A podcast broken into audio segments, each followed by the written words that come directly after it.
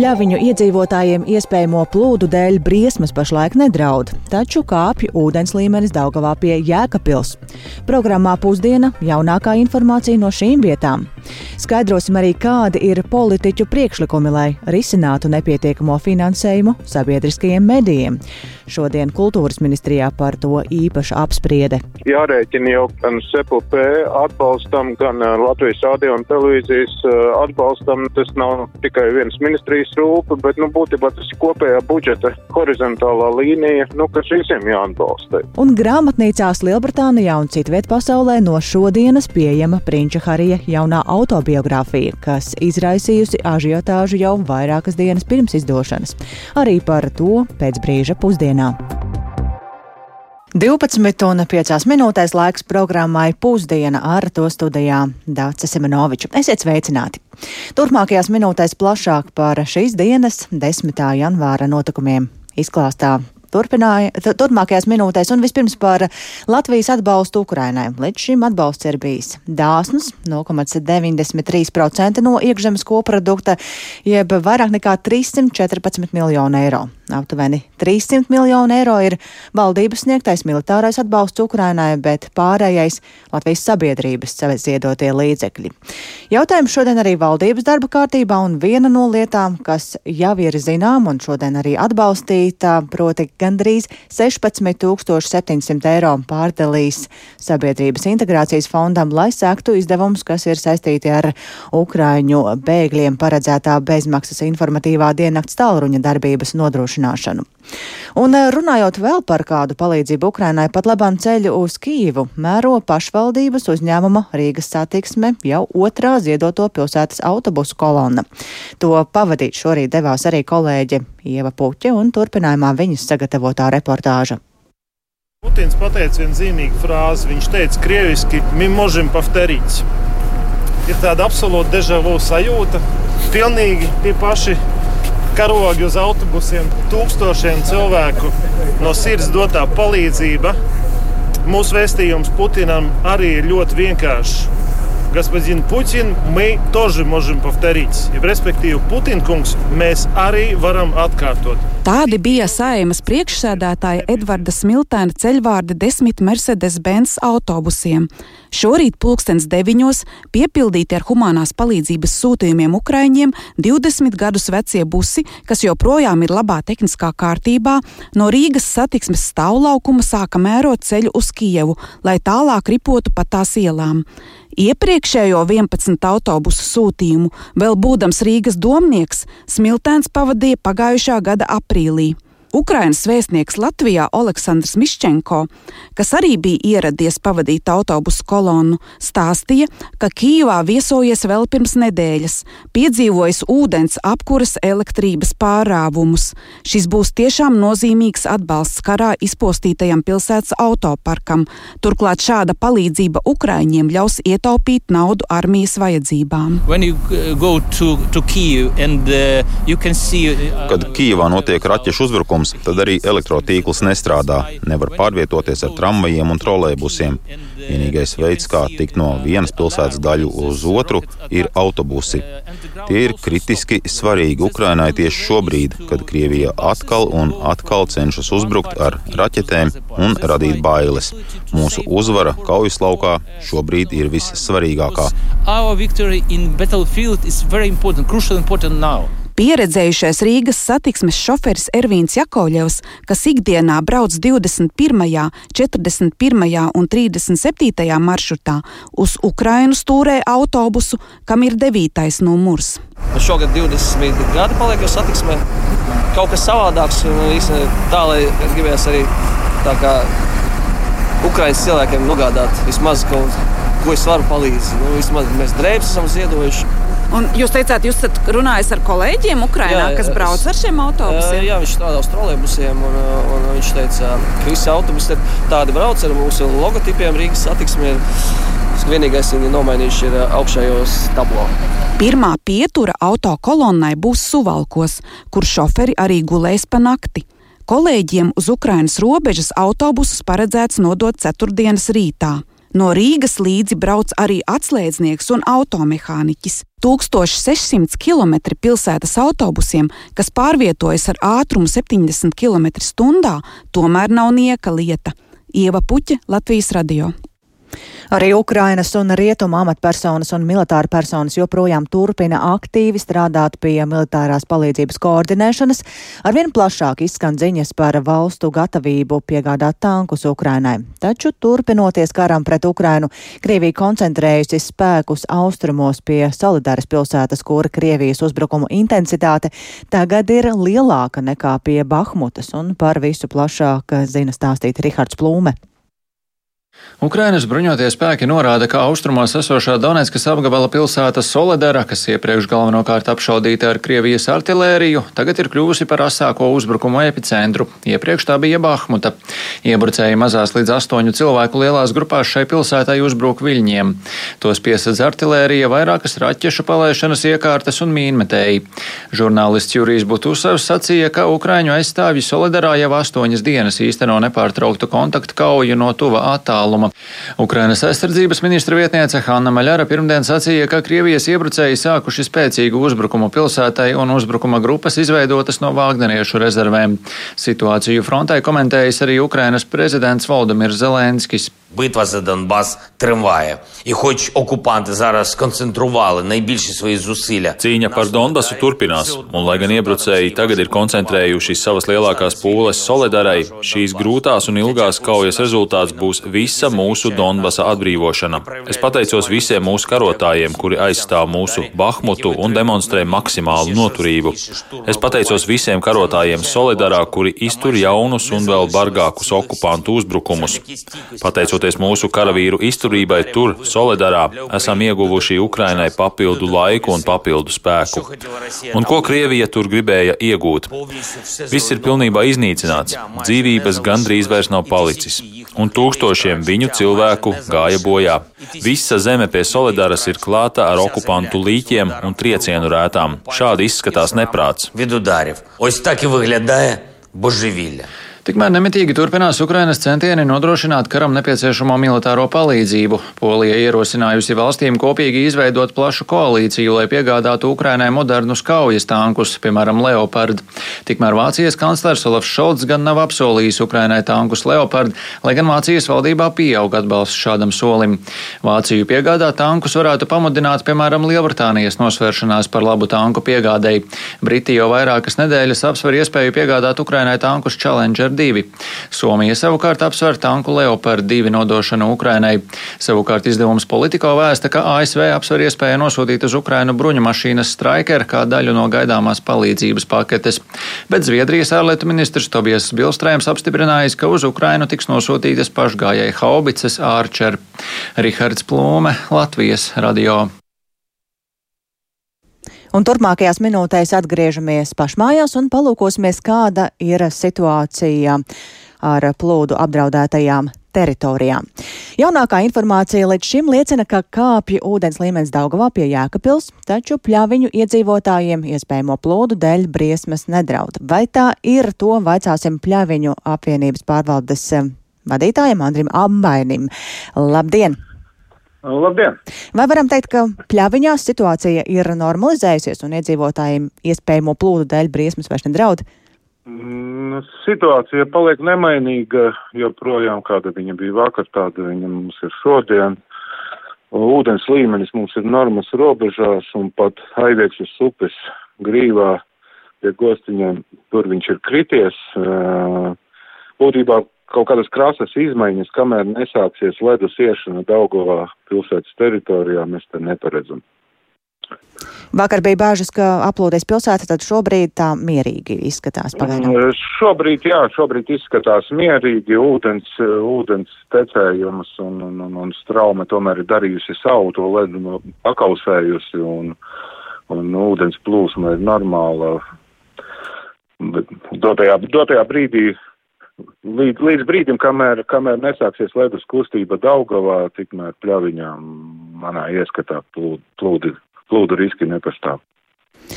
Jā, būtiski ir cēlēs ūdens līmenis pie Jēkabpils un pastāv risks, ka aplūdīs Sakas sala. Kā šobrīd ir, to vaicāsim civilās aizsardzības inženierim plūdu situācijas koordinatoram Jēkabpils novadā Tālim Zaulam. Labdien! Jā, vai mani dzird Tāli Zaula? Es dzirdu jūs, jūs Jā. dzirdat mani? Jā, tagad arī dzirdam jūs. Cik šobrīd bīstam situācija ir Jēkabpilī? Tātad Jēkabīlī Daugavā plūst ledus, Daugava ir vaļā, bet pa pēdējo nakti ir ļoti pacēlies līmenis tieši pilsētas teritorijā, vairāk kā par metru, un sasniedzis apmēram to pašu līmeni, kas bija vislielākais 2022. gada, nu, pavasara palos februārī. Nu, tas nozīmē to, ka līmenis jau vēl ceļās, nu, un viņš arī ceļās, ka varētu applūst Sakas sala tas no, no pāri dambim, pāri pārgāsnei sāk iet ūdens un, un, un varētu būt vairākas mājas un uzņēmumi, kas atrodas šī salā, sakas salā, lepus Jēkabils, ka varētu būt nu, atgriezti no ārpasaules. Nu, to, nu, respektīvi ceļi pārplūduši. Tas nozīmē, ka tur vajadzēs evakuēt iedzīvotājus iespējams. Apmēram par cik lielu skaitu mēs varētu runāt? Nu, tā tad vēsturiski ir izveidojies tā, ka šajā salā ir 29 mājas, nu, pie kurām ūdens līdz pamatiem tiek. Ja? Un šīs mājās deklarēti ir 42 cilvēki. Bet uh, visi šie cilvēki nu, gadu gaitā jau saprot, kas ir plūdi, un viņi arī ir informēti, ja ka, kas tiešām ārkārtas gadījums evakuēties vajadzēs, bet pagaidām no viņiem nav šādas te lūguma, ka evakuēties vajadzētu. Bet, nu, protams, situācija var mainīties, ja, jo mēs nezinām, kā tas notiks. Bet, nu, jā, pavisam salā ir 51 māja, un 29 no tām ir tādās vietās, nu, kuras tiek ar ūdeni atgrieztas no ceļiem. Jā, un skaidrs, ka plūde rada arī zaudējumus iedzīvotājiem, līdz ar to arī apdrošināšanas kompānijas ir sākušas saņemt pirmos pieteikumus no plūdu skartajām vietām. Tā Latvijas radio ir izteicies Latvijas apdrošinātāju asociācijas prezidents Jānis Abašins. Plūdu zaudējumi apjomos gan nav salīdzināmi ar ugunsgrēku radītajām sekām, vienlaikus viņš atgādina, ka regulāri aplūstošās teritorijas nemaz neapdrošina. Tā Latvijas radio sacīja apdrošināšanas asociācijas prezidents Jānis Abāšins.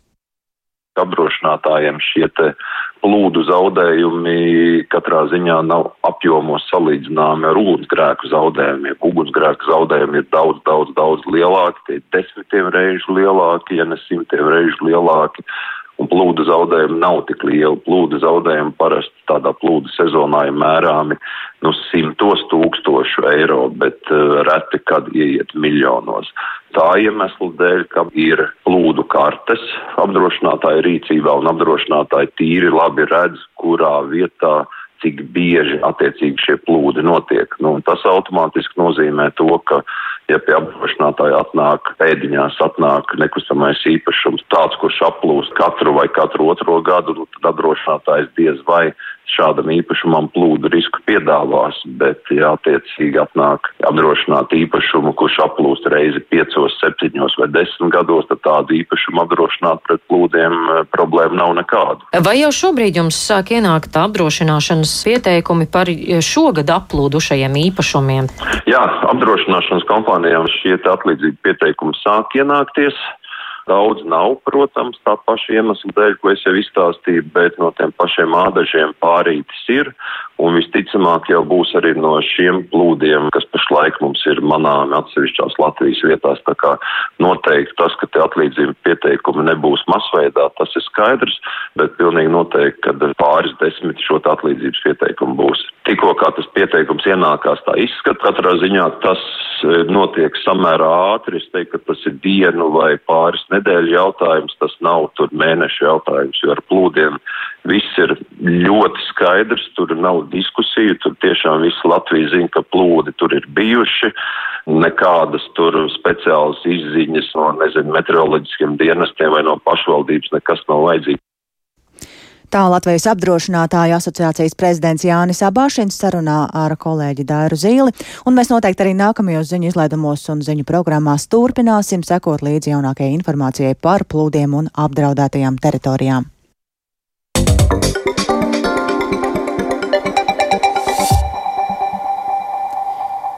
Turpinām programmu pusdiena un uh, kultūras ministrijā šodien ir plānotas budžeta sarunas par papildu finansējumu, iespējām taiskaitā izmaksu sadārdzinājumu kompensēšanu sabiedriskajiem medijiem. Ir sadzirdētas sabiedrisko elektronisko plašsaziņas līdzekļu padomas pagājušā nedēļā paustās bažas, ka bez papildu naudas Latvijas televīzijā šogad var būt būtiski mazāk oriģināla satura, bet Latvijas radio kapitāla ieguldījumu un par to vairāk pastāstīs kolēģis Jānis Kīncis, kurš man pievienojas studijās. Sveiks, Jāni! Sveika, Dārts! Sveicināti klausītāji! Atgādina, ar kādiem aprēķiniem sabiedrisko elektronisko plašsaziņas līdzekļu padome cēla trauksmi par sabiedrisko mediju finansējumu šajā gadā. Padomas vēstījumi izskanēja, jo sabiedriskie mēdīji nav saņēmuši apstiprinājumu par energoresursu un inflācijas radītā sadārdzinājumu kompensēšanu, un tā rezultātā Latvijas televīzijas satura budžetu varētu nākties mazināt par 11% salīdzinot ar pagājušo gadu. Tas nozīmētu mazināt izklaides un neatkarīgo producentu raidījumu uh, skaitu un apjomu. Savukārt Latvijas radio vadība pašlaik nerunāja par samazinātu satura piedāvājumu, bet uh, Lai to noturētu, nāktos plānot būtiski mazākus kapitāla ieguldījumus. Norādes uz šīm problēmām ir labi zināmas arī mediju nozari pāraugošajā kultūras ministrijā, un šo pēcpusdienu tur ir plānota sanāksme par budžeta sadalījumu jautājumiem, tajā skaitā par padomis norādītajām problēmām. Un, Kultūras ministrijas parlamentārais sekretārs Ritvars Jansons, kurš pārstāv Nacionālo apvienību, atgādina par jau iepriekš definētajiem mērķiem - satura stiprināšanu Latvijas radio 4 un Latvijas televīzijas eh, satura tulkošanu mazākumu tautību valodā, kam kopumā nepieciešami 163 tūkstoši eiro. Jansons arī piebilst, ka kopējā budžeta plānā iekļaujamie mediju nozars pasākumi nav tikai vienas un vienīgas kultūras ministrijas atbildība. Paklausīsimies viņa teikto. Protams, ka tās ir prioritātes arī, par ko ministrs iestājās. Jārēķina jau gan SEPLP atbalstam, gan Latvijas radio un televīzijas atbalstam. Tas nav tikai viens ministrijas rūpa, bet, nu, būtībā tas kopējā budžeta horizontālā līnija, nu, kas visiem jāatbalsta. Jansons, ko vairāk par lēmumiem šajā sanāksmē solīja izklāstīt vēlu pēcpusdienā, tikmēr budžeta veitīšanai gatavojas ne tikai koalīcijas partiju pārstāvji un ministrijas. Savs redzējums ir arī saimnes opozīcijai, tā skaitā progresīvajiem, un viņu frakcijas vadītājs Kaspars Briškens piekrīt sadzirdētajām bažām par sabiedrisko mediju budžeta pietiekamību, un politiķis ir pārliecināts, ka nekompensēto izdevumu sadārdzinājumu sabiedriskiem medijiem budžeta veidošanas procesā būtu iespējams kompensēt. Paklausīsimies arī viņa teikto skaidrs, ka tā ir viena no jomām, kas nu, ne tikai sabiedrības informētības, bet arī nu, jau nacionālās drošības kontekstā kritiski svarīga. Mēs redzējām, ka maģiski jaunai koalīcijai uzsākot darbu, tā nosacītā fiskālā telpa dubultojās. Līdz ar to ir skaidrs, ka finanšu ministrijas piedurknē noteikti ir dažādi veidi trumpi, kā šo finansiālo telpu paplašināt, tā skaitā optimizējot uh, budžeta ietvaru, tā skaitā budžetā pilnīgi noteikti ir optimizācijas iespējas gan izdevumu daļā, tāpēc mēs šobrīd arī ejam cauri uh, ministriju iesniegtajiem priekšlikumiem, bet arī no tādas tehniskās pieejas.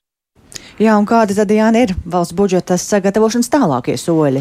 Tātad šobrīd ministrijas vēl apkopo savus pasākumu pieprasījumus, un jau aizvadītā gada nogalē izskanēja, ka minētā fiskālā telpa, jeb finansējums jaunām prioritātēm šā gada valsts budžetā būs 215 miljoni eiro, taču vēl iepriekš rudenī šo skaitli lēs ap 90 miljoniem eiro.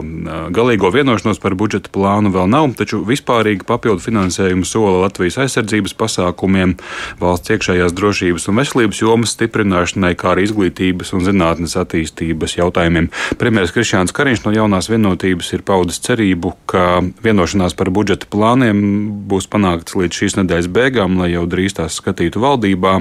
Tātad, jā, šobrīd visās ministrijās un uh, pāraudzības jomās šajā procesā ir tā teikt pēdējie metri. Paldies Jānim Kīncim. Savukārt šo tematu vēl nedaudz papildinot jāteic, ka Saimas komisija arī spriedīs par sabiedrisko elektronisko plašsaziņas līdzekļu padomus aktualizēto problēmu.